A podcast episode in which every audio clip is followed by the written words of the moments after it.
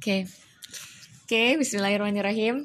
Assalamualaikum warahmatullahi wabarakatuh. Waalaikumsalam warahmatullahi wabarakatuh. Asik. Halo teman-teman semuanya. Hari ini di hari apa is Kamis? Hari Kamis. Dua, Kamis tanggal 4 Agustus 2022 ya teman-teman.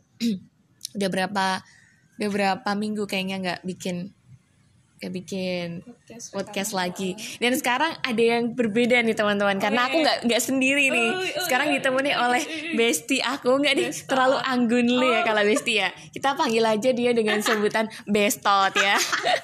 Ya arek Madiun nih. Bestot ya. Kalau Besti itu terlalu anggun li. Jadi kita panggil dengan nama yang anti mainstream Tot area aku banget ya. Nah jadi pagi ini tuh suasananya kita lagi duduk adep-adepan ya Is ya? Adep-adepan terus ngadep alas ya alas. Apa ya? Kebun. Kebun. Oke kebun dan teman-teman kita ini ceritanya tuh lagi ngapain Is? Oh ya, ini perkenalkan ya namanya tuh Best. Nah, be- nah, namanya tuh siapa Is? Nama, perkenalkan Saya diri perkenalkan, dong. Nama aku Ismarida Afika. Aku Ya. teman uh, yang sering rusuhin Asti. Iya, teman kamar rusuh ya. nih, Teman ribut. Teman ribut. Nah, gitu. Oke, dari prodi apa nih Mbak Isma? Aku dari prodi manajemen bisnis Angkatan? tahun 2019. Alhamdulillah OTW lulus ya, Bu. Oh iya, amin amin. Sudah kapan nih ceritanya? Ayo kita Oktober yuk. Oh ya sih? amin. Ayo, ayo jangan macam ibu ya. Amin dong, amin dong ya. Nah di sini di sini aku ditemani dengan seorang teman bersama Isma yang biasa aku panggil dengan sebutan Bestot ya teman-teman. Jadi di sini suasananya adalah pagi. Kita ceritanya tuh mau jogging ya Isma ya. Iya. Mau jogging di mana Is? Di rektorat. Di rektorat mengitari kampus gitu ya. Iya mengitari kampus aja sih. Soalnya tahu. Heeh, nah, karena kita tuh larinya biasanya lama dan butuh energi, jadi kita pagi ini mau sarapan dulu. Udah, Udah udah sarapan. sarapan. Tadi sarapan apa Isma? pakai telur. Pakai telur. Rebus. Sama minumnya? minumnya wedang rempah-rempah. Nah, wedangnya rempah-rempah. Heeh, jahe, kunyit, terus ada cinnamonnya Isma ya. Iya. Nah, itu itu buat mengisi energi kita ketika lari biar larinya tambah semangat dan berenergi gitu, teman-teman. Nah, Nah, karena kita nih ceritanya kewargen ya, guys.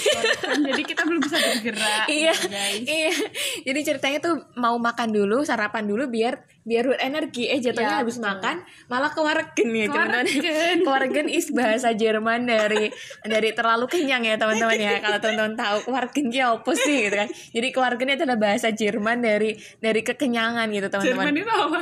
Cicer kauman. nah jadi sebenarnya teman-teman eh, fun fact ya, fun fact asal eh, asal teman-teman tahu podcast ini tuh sebenarnya tanpa rencana ya bun ya. Alias random banget Iya ya, kita Bun. anaknya emang sama-sama sanguinis yang sama-sama nggak terencana. Sebenarnya walaupun kita tuh sebenarnya pengen terencana. Nah makanya Makanya Kita bikin beli, to-do list gitu kita kan. beli notes Heeh. kecil buat bikin to-do berusaha biar terencana gitu. Iya. Karena kita anaknya tuh kamu ngerasa gak sih ya kalau aku anaknya spontan sih. Iya, spontan. Spontan sama-sama Lebih sering spontan. spontan. Uh, lebih sering spontan gitu. Nah, untuk bisa minimalisir kespontanan itu, akhirnya kita berusaha minimalisirnya dengan bikin to-do list ya. Walaupun emang kadang juga ke checklist bisa, kadang juga hanya wacana. apa ya kita sambil minta tolong ke Allah supaya Allah bantu mudahin urusan-urusan kita, Allah nata urusan-urusan kita kayak gitu loh. Benar-benar Nah, itu sambil apa ikhtiar lah sebagai bentuk ikhtiar biar kita nggak nggak nolep nolep Oke, langsung aja ya teman-teman. Ini estimasinya 10 menit, semoga tercapai ya 10 Eh, menit. udah ya. 4 menit bunda Iya, kita ngobrol. ini kan intermezzo. intermezzo lama banget ya. Oke, jadi pagi ini kita mau bahas tentang apa sih, Isma? kita mau bahas soal berkahnya pagi. Ya ini sebenarnya lebih ke menurut pengalaman kita sama kayak ya nanti kita bahas kayak beberapa cerita lain misal kayak di Islam tuh uh, benar-benar kenapa kok waktu pagi tuh sangat diagungkan dan sangat berkah. Terus juga orang-orang sukses yang mereka notabene-nya non non Islam ya mereka kayak uh, juga spesialkan waktu pagi hari gitu-gitu loh. Oke. Gitu. Jadi masya Allah ini kuncinya bertekahnya waktu pagi Iya. gitu. Ada apa sih emang di waktu pagi tuh ada apa gitu. Nah kalau menurut Isma ada apa? Kok jadi kamu narasumbernya? Nanti ada apa gitu? Ini Oh, iya. karena kita tuh berdasarkan nggak teori-teori banget ya. Jadi kadang ada berdasarkan pengalaman gitu. Nah itu kenapa yang udah Isma rasakan? Emang sebegitu apa ya sebegitu insightful seperti apa sih pagi? Misalnya sebegitu powerful apa sih pagi itu bagi seorang Isma? Oh, Oke, kalau a- dari aku sendiri aku eh, dapat pola asuh dari orang tua yang eh, apa ya bener-bener pagi itu adalah waktu yang waktu yang sangat penting ya bun. Jadi kayak misal bangun tidur itu udah nggak boleh tuh masih goler-goleran di kasur. Jadi mulai dari bapakku pagi tuh udah harus berangkat kerja. Ibuku pagi tuh harus yang kayak ibuku kan tipe orang yang sangat sarapannya sangat pagi ya bun. Jadi kayak, oh gitu. Beda banget Iya. ibuku. Jadi kayak pagi itu harus gerak gitu loh. Malah kalau cuman apa apa sih namanya? Oh cuman goler-goler di kasur tuh kayak sangat sangat bertentangan dengan hukum alam di keluargaku Oh, gitu. eh kayak gitulah.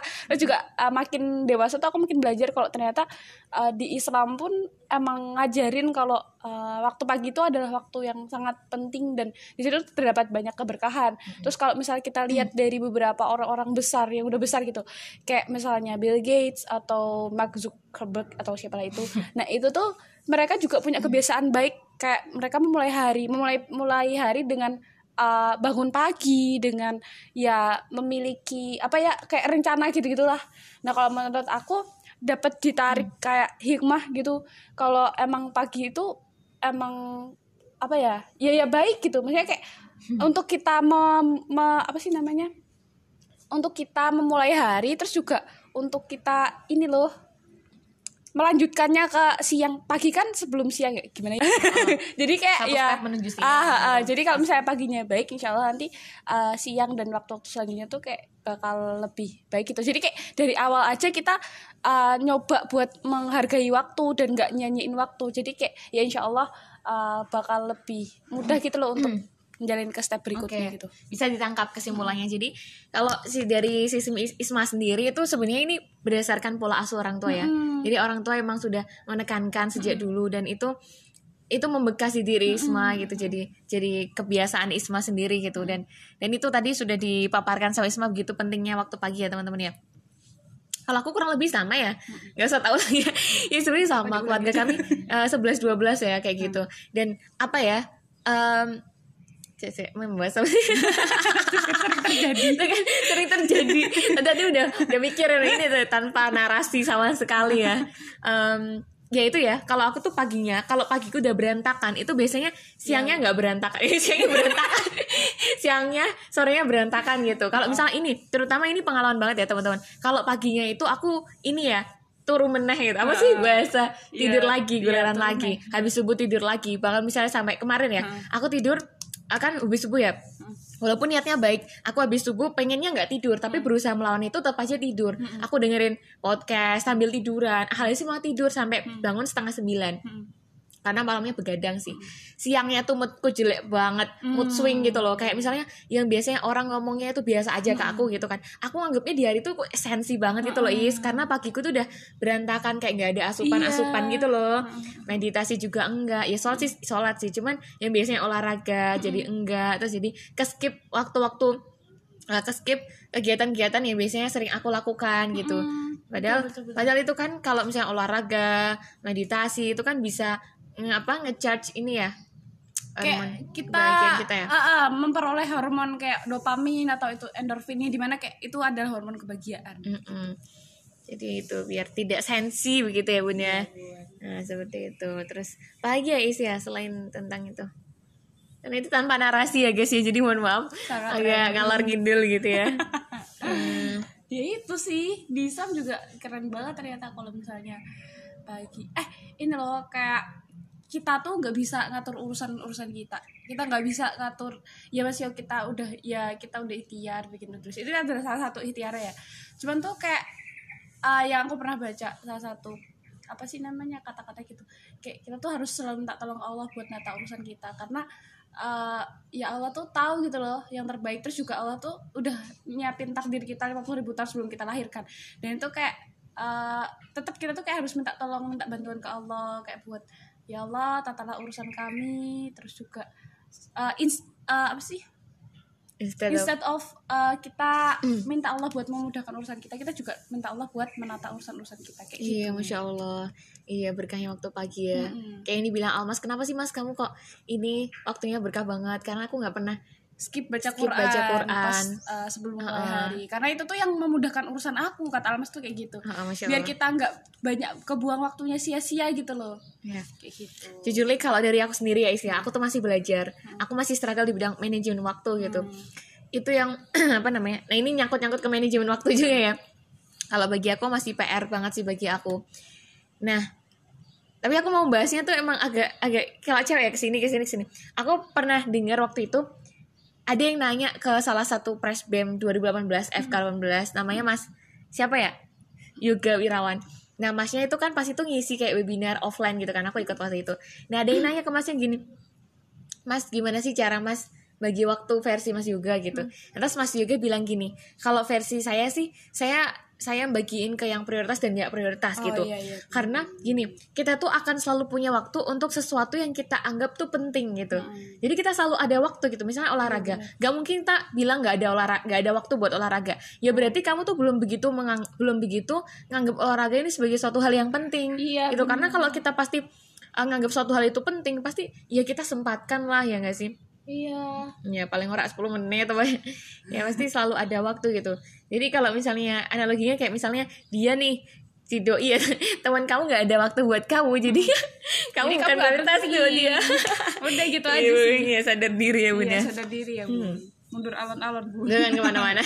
Kalau aku bahasnya tentang pengalaman aneh-aneh ya. Kalau Isma tadi yang masya Allah eh, ya kembali lagi ke keberkahan waktu ya Iya. jadi emang kita pasrahkan ini ya minta Allah Minta supaya Allah menata menata urusan kita, gitu dan- Heeh. iya benar-benar kita tawakal kayak misalnya kita udah ini kan kita bikin to kan salah satu bentuk ikhtiar Ikhtiar, juga ah. gitu tapi jangan kayak misalnya gini ya aku pernah baca bukunya tuh rahasia menjadi kaya Hmm.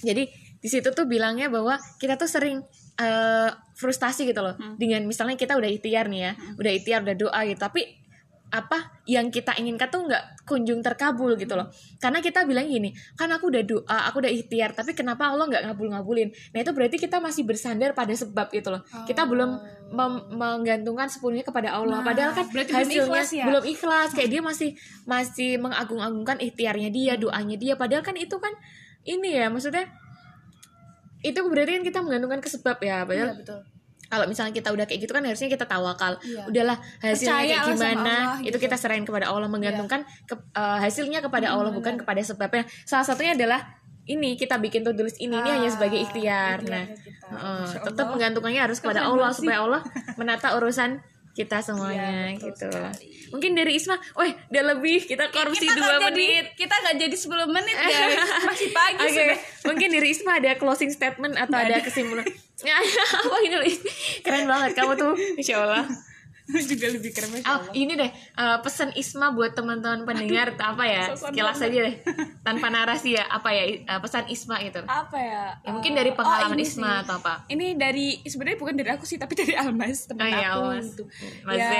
ya aku dapat dapat banyak oh ternyata iya ya oh ternyata iya ya gitu loh soal ini eh apa ya kalau ingin memulai hari itu dengan baca Quran. Misal kok yang perempuan lagi haido mungkin bisa baca arti gitu. Ya pokoknya ingat Allah dulu gitu loh. Kayak kan ketika kita ingat Allah Allah bukan ingat kita gitu. Ketika Memudahkan urusan kita. ah iya. Ketika kita berjalan kepada Allah maka Allah akan berdalik kepada kita gitu. Nah kan ah, balik lagi kalau kita ditarik ya ke tujuan awal kita diciptakan itu ada untuk dua hal. Yang pertama adalah untuk beribadah kepada Allah saja gitu. Dan yang kedua adalah ah, apa sih namanya menjadi khalifatul art atau sebaik-baiknya pemimpin di muka bumi. At least memimpin diri kita dengan baik kayak gitu loh. Kayak jadi ya ah, kalau kataku ya itu sih kayak kalau mulai hari dengan baca Quran atau pokoknya zikrullah gitu gitu loh. Itu insya Allah waktunya ntar berkah dan terus juga jangan lupa minta tolong ke Allah buat nata urusan kita buat mempermudah urusan kita kayak gitu.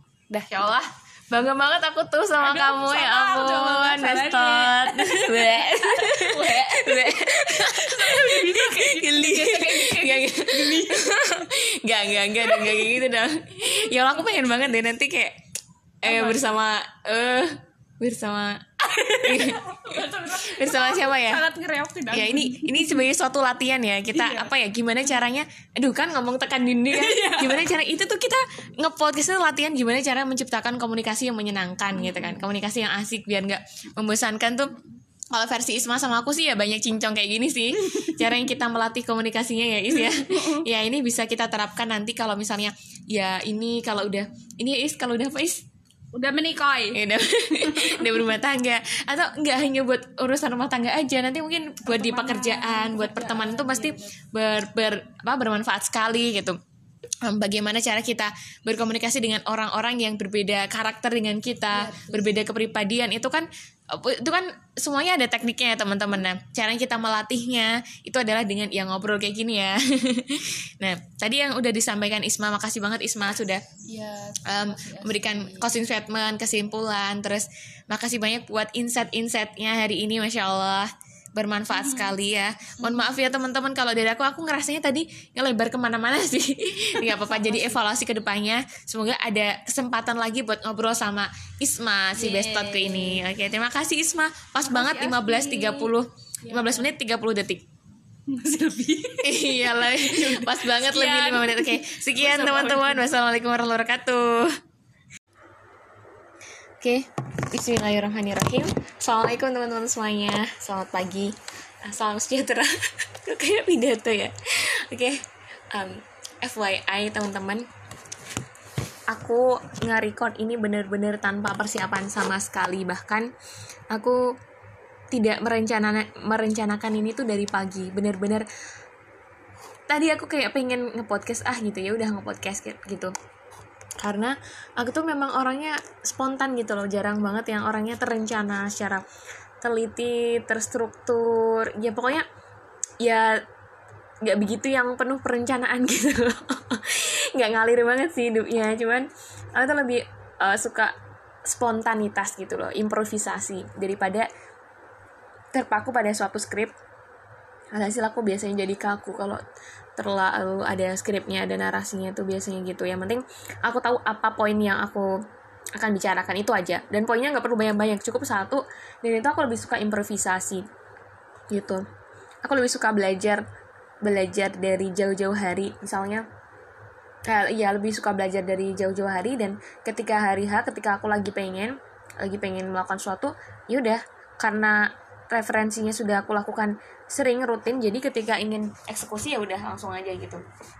Nah jadi seperti itu. Oke jadi kali ini aku pengen bahas tentang value ya nilai-nilai yang kita pegang yang ternyata itu tuh mempengaruhi segala aktivitas kita apa yang kita rasakan bahkan apa yang kita pikirkan juga mempengaruhi tindakan kita juga nah referensi yang aku dapat dari ini apa yang aku bicarakan ini adalah dari buku.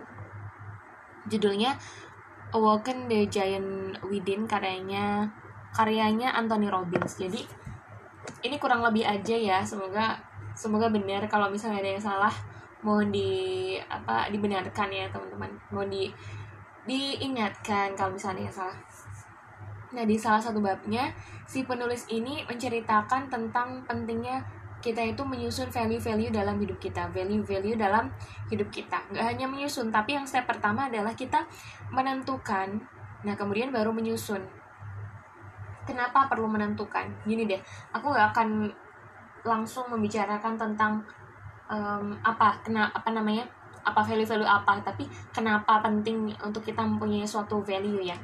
Karena begini misalnya um, kita itu kita tuh bingung untuk untuk memilih suatu hal gitu dalam hidup kita. Kita bingung memilih suatu hal kita bingung untuk memutuskan suatu hal. Bahkan itu tuh hal kecil sebenarnya. Misalnya ketika kita dihadapkan dengan suatu hal misalnya kita sedang dijemput teman eh, dijemput sama teman. Nah kita itu lagi belum siap gitu. Padahal udah dijemput temen kita tapi belum siap gitu. Nah terus karena kita bingung nggak tahu value apa yang sangat kita pegang teguh nah makanya kita tuh jadi orang yang ya bingungan gitu loh. Apakah aku harus ini temen gue udah di depan nih nah apakah gue uh, cepat buru-buruan ke sana tapi dalam kondisi make up gue berantakan dalam kondisi penampilan gue eh, penampilanku belum sempurna belum proper lah gitu. Tapi atau pilihan yang kedua yaitu aku nunggu make aku sampai proper banget tapi aku biarin temenku nunggu gitu loh agak lama gitu. Nah ini terlepas dari adab akhlak dan attitude ya. Tapi itulah kita jadi bingung karena kita tidak menentukan value apa yang sebenarnya sangat kita pegang teguh gitu loh. Nah beda kalau misalnya kita itu memegang teguh prinsip on time atau awal waktu tepat waktu ketika akan bepergian atau ketika akan melakukan sesuatu ya Nah, ketika kita punya prinsip atau value atau nilai yang kita pegang yaitu salah satunya adalah on time, maka di situasi apa pun kita tuh akan selalu mengusahakan untuk on time gitu loh. Entah apa pun kondisinya, misalnya ya penampilannya belum begitu proper lah, make upnya belum belum perfect sempurna. Tapi kalau misalnya memang sudah waktunya, kita memang harus memaksa diri kita untuk bisa apa?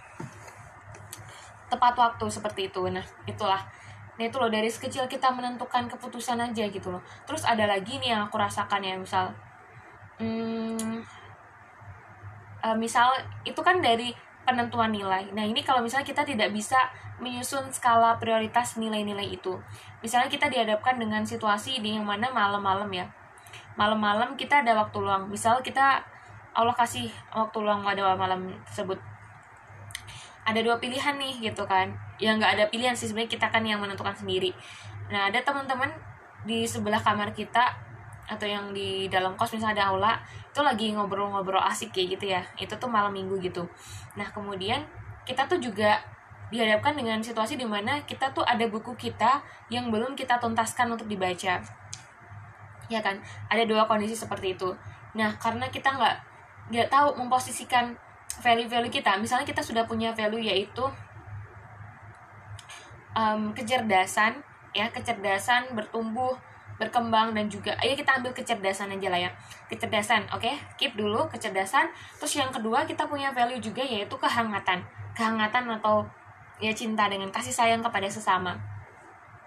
Oh, solidaritas lah. Oke okay, aku ralat ya solidaritas seperti itu. Nah kita bingung tuh uh, karena kita tidak menyusun value-value itu secara tegas ya. Walaupun kita sudah menentukan yaitu kita punya value solidaritas terus kemudian kecerdasan tapi karena kita tidak benar-benar berusaha untuk benar apa serius menyusunnya dengan baik maka kita akan kebingungan. Sebenarnya ini dua hal ini sama-sama baik cuman kita bingung milih yang mana. Atau kita juga nggak ada hal yang perlu kita kejar pada saat itu. Kan ceritanya lagi waktu luang ya. Ya jadi kita tuh bingung mau baca buku atau mau ngobrol sama temen gitu. Nah dalam hal ini itu tuh malam minggu kan nggak ada suatu hal yang mengharuskan kita ngerjain tugas atau apa. Nah kayak gitu. Kondisinya lagi kayak gitu case nya nah beda kalau misalnya kita tuh punya susunan yang jelas ya susunan yang jelas akan value-value yang kita pegang. Misalnya kita menaruh value kecerdasan itu di atas cinta dan kasih sayang. Ya kecerdasan itu di atas cinta dan kasih sayang. Maka ketika kita punya value itu dan kita pegang teguh, kita punya idealisme terhadap value kita, maka kita nggak akan kebingungan. Nah, kalau kita dihadapkan dengan dua situasi yang seperti tadi, maka kalau aku tanya ke teman-teman, teman-teman akan milih yang mana? Ya, akan milih yang baca buku kan? Kenapa? Ya karena baca buku ini erat dengan kecerdasan gitu. Dan sedangkan yang kumpul-kumpul itu erat dengan solidaritas, dengan kasih sayang, dengan cinta gitu. Nah, inilah ketika kita tuh nggak punya kejelasan akan susunan value ya kita akan kebingungan. Sekecil untuk memutuskan kegiatan apa yang akan kita lakukan ketika kita kosong. Ya seperti itu. Nah itulah pentingnya kita punya value dan kita bisa menyusun value itu dengan baik gitu. Ya punya kejelasan akan susunan value itu. Oke karena aku tuh orangnya spontan dan maka dan aku suka sharing juga. Nah ini aku akan uh, sharing uh, value-value yang hmm, aku tulis ya. Aku tulis dan semoga bisa istiqomah juga. Ini juga aku referensinya dari buku Uwokan dari Jayang Widin dan ada beberapa yang aku ubah juga. Yang pertama adalah value ketuhanan. Ini mutlak ya teman-teman. Bahkan di dalam Pancasila pun kan nilai Pancasila yang pertama kan ketuhanan yang maha esa ya. Jadi itu tidak perlu dipertanyakan lagi ya. Ketuhanan harus selalu kita junjung tinggi gitu. Jadi misalnya hmm, kita diajakin untuk makan bareng gitu. Padahal itu udah tahu itu waktunya maghribnya itu maghrib kan waktu yang singkat. Padahal itu tuh udah mau isya gitu tapi kita belum sholat isya. Tapi di situ kita tuh diajak makan bareng sama teman-teman. Nah maka apa yang perlu kita lakukan pertama? Yang lakukan yang pasti kan kita akan memilih untuk sholat dulu ya. Ya karena ketuhanan itu e, nilai yang kita pegang teguh untuk yang e, prioritas yang pertama banget. Jadi ketika ada situasi apa pun kalau itu menentang dari nilai ketuhanan ya pasti kita akan ini kan maksudnya akan bersikap dengan baik eh, eh, akan bersikap dengan baik dan akan memilih hal yang eh, terkait dengan ketuhanan itu kan terkait dengan akhirat ketuhanan religi religi dan sebagainya gitulah pokoknya. Dan yang kedua aku milihnya ini sama value yang kedua sama dengan buku Wakanda Giant Within yaitu value yang kedua adalah kesehatan kenapa? Kan banyak orang kalau misalnya banyak orang ya pasti hmm, kenapa kok kesehatan kayak begitu di junjung tinggi banget ya strict banget ya? Bahkan dia tuh di bawah ketuhanan gitu. Karena menurut aku gini dan kesehatan ini tidak bukan suatu hal yang bertolak belakang dengan ketuhanan ya.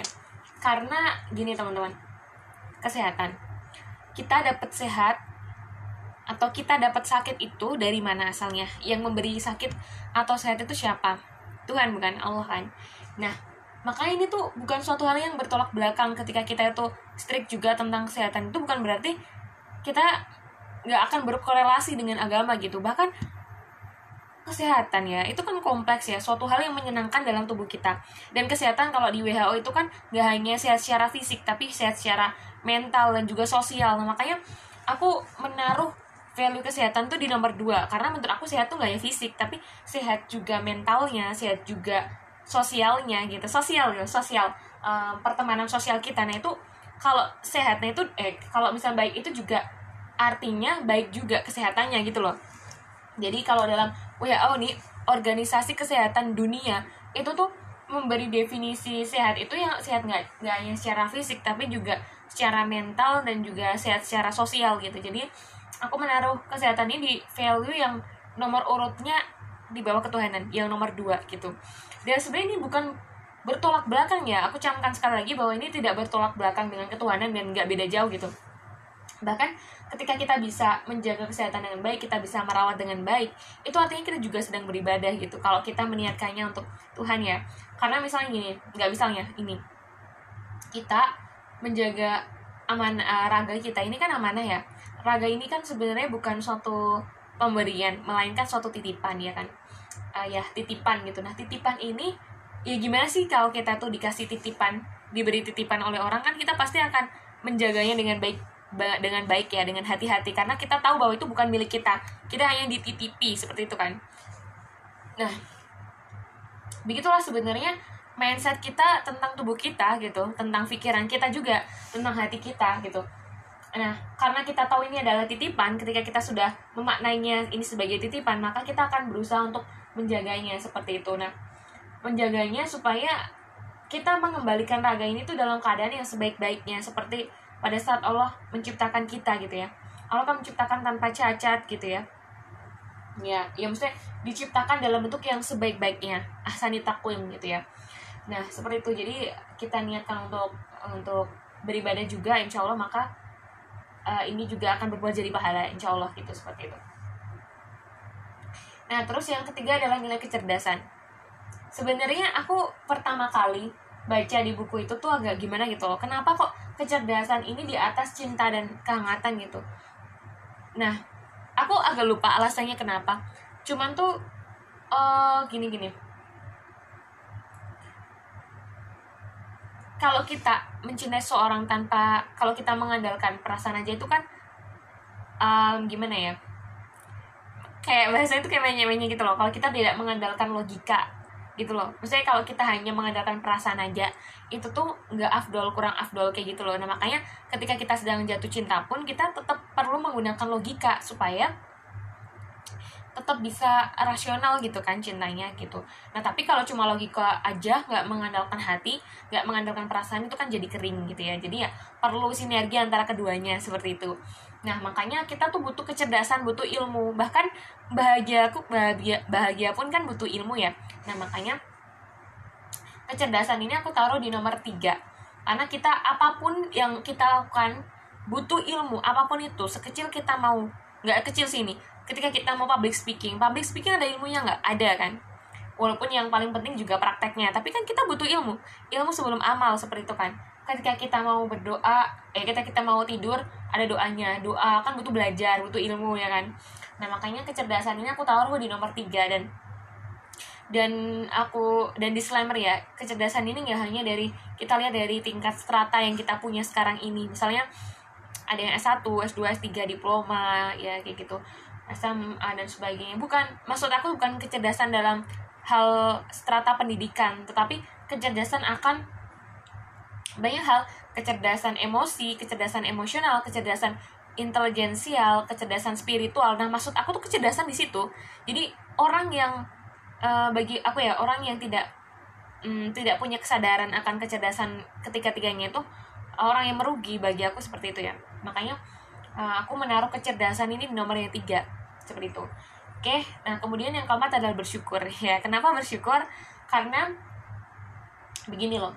Um, kayak aku kasih latar belakangnya aja ya.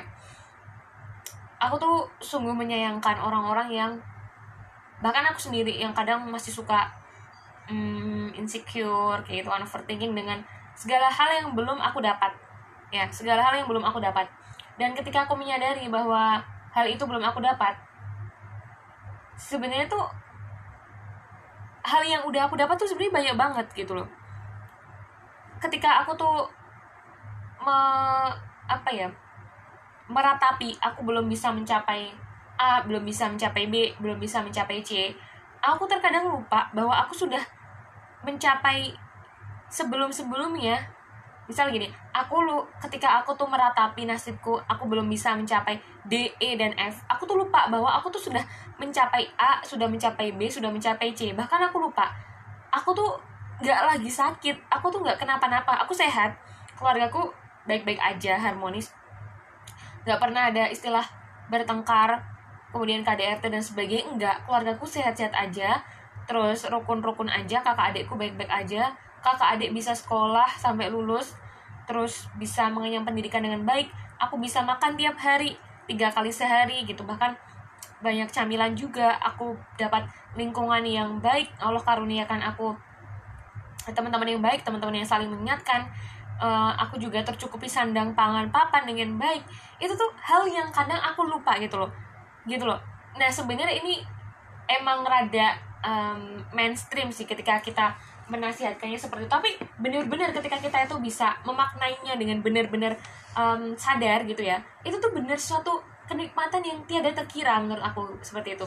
Nah nah makanya aku menaruh value bersyukur ini termasuk di deretan yang atas lima besar ya. Dia urutan nomor empat karena bagi aku orang-orang yang eh, orang-orang yang selalu merasa kurang kurang dan kurang itu tuh ya menurut aku tidak pantas untuk diperjuangkan sih orang-orang seperti itu yang suka merasa kurang insecure dan sebagainya. Karena bagi aku orang-orang yang insecure itu dia tuh kurang kreatif itu loh. Kurang kreatif dalam melihat apa saja yang sudah dia punya sekarang ini apa saja yang sudah dia capai gitu loh. Bukannya aku mengata-ngatai bahwa dia itu tidak um, tidak apa gimana ya istilahnya? Ya kita sama-sama belajar lah ya. Dan bukan berarti aku sudah merasa paling benar dengan menaruh value itu di atas di deretan atas atau dengan pikiranku yang sekarang ini aku terus merasa paling benar. Cuman yang sekarang ini yang sedang aku anut seperti itu. Jadi aku berusaha untuk um, bukan toxic positivity juga tapi berusaha untuk melihat suatu hal itu coba deh dari sudut pandang yang positif aja gitu loh. Ya nggak aja sih cuman ketika kita pandang suatu hal itu coba dilihat yang positifnya dulu. Jangan terus lihat yang negatif. Karena kalau biasanya nih ya biasanya kalau kita sudah memandang dari awal itu dari sudut pandang yang negatif biasanya positif tuh akan tertutupi gitu loh dengan negatif. Biasanya kan gitu ya kalau misalnya kertas nih kertas kan putih kemudian kita kasih titik di tengahnya. Nah kemudian yang uh, kemudian kita perhati uh, perlihatkan ke orang. Maka kita tanyakan ke orang itu maka uh, kita tanya gini mana yang paling terlihat menonjol kalau kamu lihat kertas putih ini? Yang udah aku kasih titik uh, pensil di tengahnya atau pulpen gitu. Nah, teman kita akan bilang dipastikan ya, yang titik itu yang paling kelihatan, yang paling menonjol objeknya gitu. Nah, itulah sama seperti ketika kita memaknai suatu peristiwa ya. Nah, kalau kita dari awal aja itu udah memandang dari negatif, itu biasanya yang positif ketutup gitu. Nah, makanya sekarang aku berusaha, itulah yang aku lakukan untuk uh, apa pun peristiwa yang aku hadapi sekarang dan apa pun perasaan juga, termasuk juga perasaan karena aku tidak mau untuk memvalidasi terus menerus dan pada akhirnya aku memaklumi gitu loh. Ya? Kalau misalnya memang uh, itu tidak begitu berimpact besar is oke okay. aku validasi perasaanku. Oke okay, kamu lagi sedih oke okay, gitu oke. Okay. tapi ya udah gitu loh. Ya udah sedih itu tidak akan berkepanjangan gitu loh. Ya aku gini gini. Aku dapat quotes bagus dari Mary Diana nah kemarin tuh dia cerita hmm, dia menganalogikan perasaan itu tentang perasaan dia eh, menganalogikan tentang perasaannya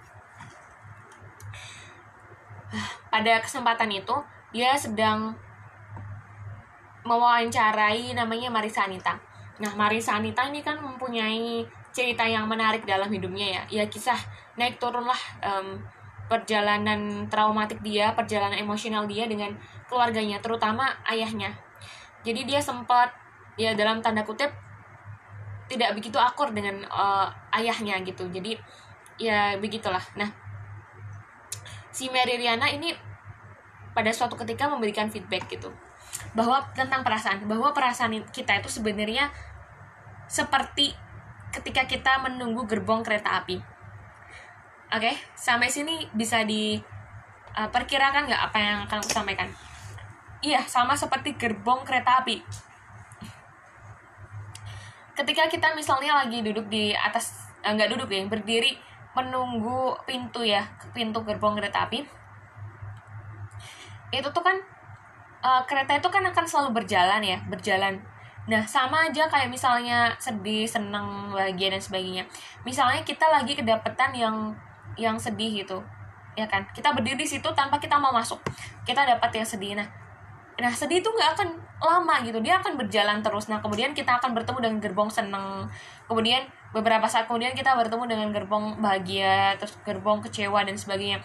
Dan itu oke okay, perasaan itu akan seperti roller coaster ya. Allah begitu membolak-balikan hati manusia.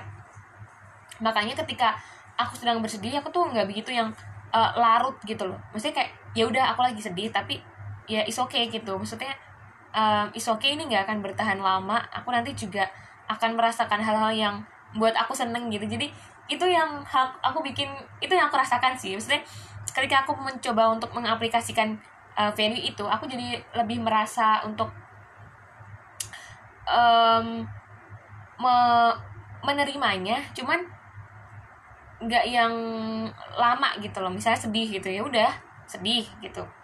Nah gitu. Terus yang kelima adalah berkarya. Oke karya latar belakang aku um, memakai value berkarya adalah banyak aku temui di sosial media atau bahkan kadang aku juga sih. Kadang tuh uh, orang-orang itu terlalu banyak untuk menjelaskan dirinya sendiri. Ya oke sekarang aku mau tanya sama teman-teman bagaimana pendapat teman-teman? Apa yang teman-teman rasakan ketika menjumpai orang-orang yang terlalu banyak menceritakan atau menjelaskan tentang dirinya sendiri? Bosen nggak bosen ya Aku berani mengatakan dengan lantang bahwa aku sangat bosan ketika bertemu dengan orang yang banyak sekali menceritakan dirinya sendiri. It's okay sih kalau ba banyak tapi frekuensinya sedang gitu ya. Tapi ini kalau orang terlalu dominan menjelaskan tentang dirinya sendiri, maka bisa dipastikan orang ini akan menjadi orang yang sangat membosankan. Aku yakin dan aku jamin 100% dia akan menjadi orang yang membosankan. Walaupun banyak variabel yang bisa um, membuat orang menjadi membosankan sih, cuman menurut aku itu hal yang punya pengaruh besar gitu. Ya. Nah beda ketika orang itu terkenal karena karya gitu terkenal karena apa yang sudah dia dia hasilkan bukan karena dirinya gitu. Nah menurut aku ini orang-orang yang mengagumkan sih bagi aku dan uh, mungkin kita boleh kalau teman-teman persepsinya beda tapi aku izin dengan aku untuk bercerita bahwa aku sangat kagum sekali dengan orang-orang yang dia tuh tidak penting untuk menjelaskan dirinya siapa. Tapi yang penting bagi dia adalah karyanya tuh apa gitu. Dia bisa menjelaskan karyanya tuh apa. Nah itu tuh yang keren menurut aku itu. Dan ya itu sih yang sedang aku perjuangkan. Oke yang nomor 6 adalah baru cinta dan kehangatan. Kenapa dia baru nomor 6 ya karena ketika kita ingin mencintai pun kita butuh ilmu ya kan? Ketika kita ingin mencintai butuh ilmu. Ketika kita ingin mencintai dengan bahagia kita butuh ilmu nah makanya dia aku taruh di nomor 6 gitu dan ya seperti itu. Oke? Nomor 7 adalah belajar aku gabung ya belajar 789 belajar bertumbuh berkembang. Ini yang paling aku suka banget ya termasuk ya suka semuanya suka sih. Cuman ini tuh bagi aku suatu hal yang um, perlu aku junjung tinggi karena apa ya kadang ya kita tuh me, melekatkan hal-hal yang ingin kita capai ke dalam diri kita itu biasanya adalah standar yang ingin kita lihat dari orang lain. Padahal sebenarnya ini nggak baik sih cuman kita akan biasanya seperti itu psikologisnya. Apa yang kita lihat dari orang yang itu tuh mengagumkan? Biasanya kita pengen itu terjadi pada diri kita sendiri ya nggak? Iya.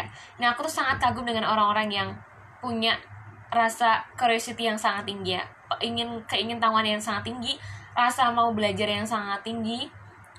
Belajar oke okay, disclaimer belajar ini nggak hanya belajar tentang perkuliahannya dia apa ya. Misal dia farmasi ya udah belajar farmasi mulu enggak. Ya maksudnya kalau dia kedokteran ya kedokteran enggak. Tapi dia tuh yang punya keingintahuan yang tinggi gitu loh tentang segala hal. Ya nggak kepo-kepo banget sih cuman hal-hal yang menurutnya dia penting yang perlu dia ketahui gitu secukupnya aja.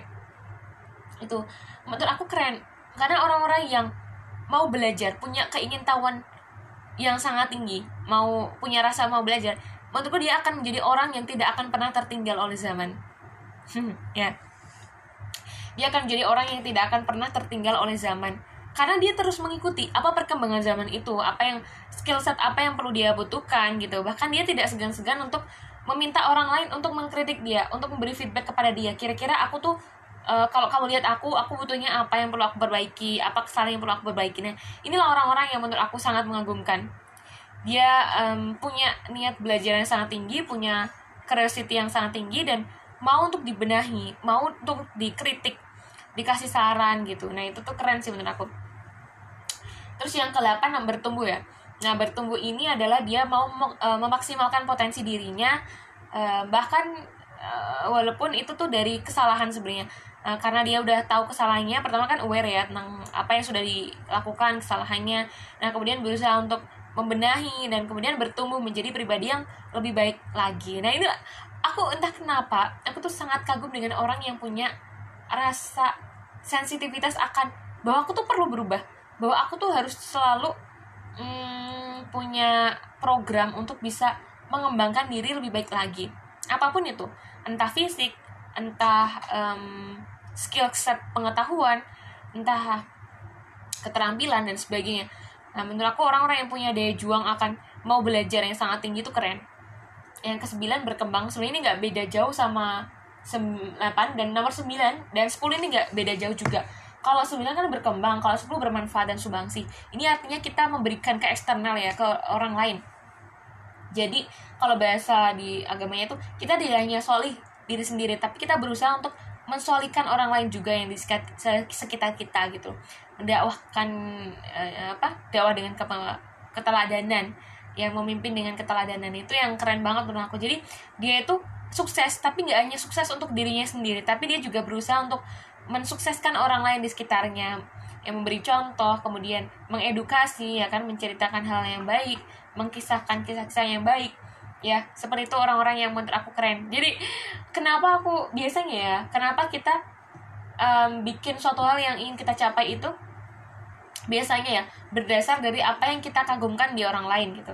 Dan ke sepuluh itu adalah aku nggak tahu sih ini terlalu berlebihan atau enggak cuman uh, aku pernah menemukan value-value 10 ini ke dalam diri seorang walaupun tidak uh, tidak susunannya tidak pas ya tidak sama seperti yang aku susunkan tadi tapi aku merasa sudah menemukan orang yang ya dia mencerminkan value-value itu. Ya tapi ya cukup hanya sampai kagum aja sih nggak sampai yang berharap dan sebagainya. Karena menurut aku kalau aku terlalu berekspektasi tinggi ke dia takutnya dia tidak seperti apa yang aku ekspektasikan gitu. Itu jadinya kecewa dan sebagainya. Padahal kan yang salah siapa? Aku kan gitu misalnya gitu. Jadi ya itu cukup sekian apa yang bisa aku sharingkan terkait dengan pentingnya kita tuh punya value dan kita bisa menyusun dengan jelas value-value kita. Supaya apa? Supaya ketika kita dihadapkan dengan suatu situasi memutuskan suatu hal kita tidak kebingungan kita tidak um, kelabakan gitu. Ya. Dan aku ucapkan terima kasih kepada teman-teman yang sudah mendengar yang sudah meluangkan waktunya. Entah emang bener niat dengerin atau kepencet ya oke okay terserah kalian. Cuman aku mau berterima kasih yang sebesar besarnya dan aku mau berterima kasih ke diri sendiri karena sudah mau memaksakan diri ya aku jujur aku ini memaksakan diri karena sudah lama aku tidak melatih diriku untuk public speaking. Padahal sebenarnya ini butuh banget ya. Sebenarnya kita tuh uh, yang paling kita butuhkan adalah konsistensi latihan. Bukan seberapa besar motivasi tapi konsistensi untuk berlatih untuk praktek. Itu yang paling penting. Daripada kita um, mengumpulkan teori-teori terus terus motivasi terus tapi tidak segera praktek. Nah ini yang perlu kita um, ulik ya perlu kita notice seperti itu. Cukup sekian teman-teman. Assalamualaikum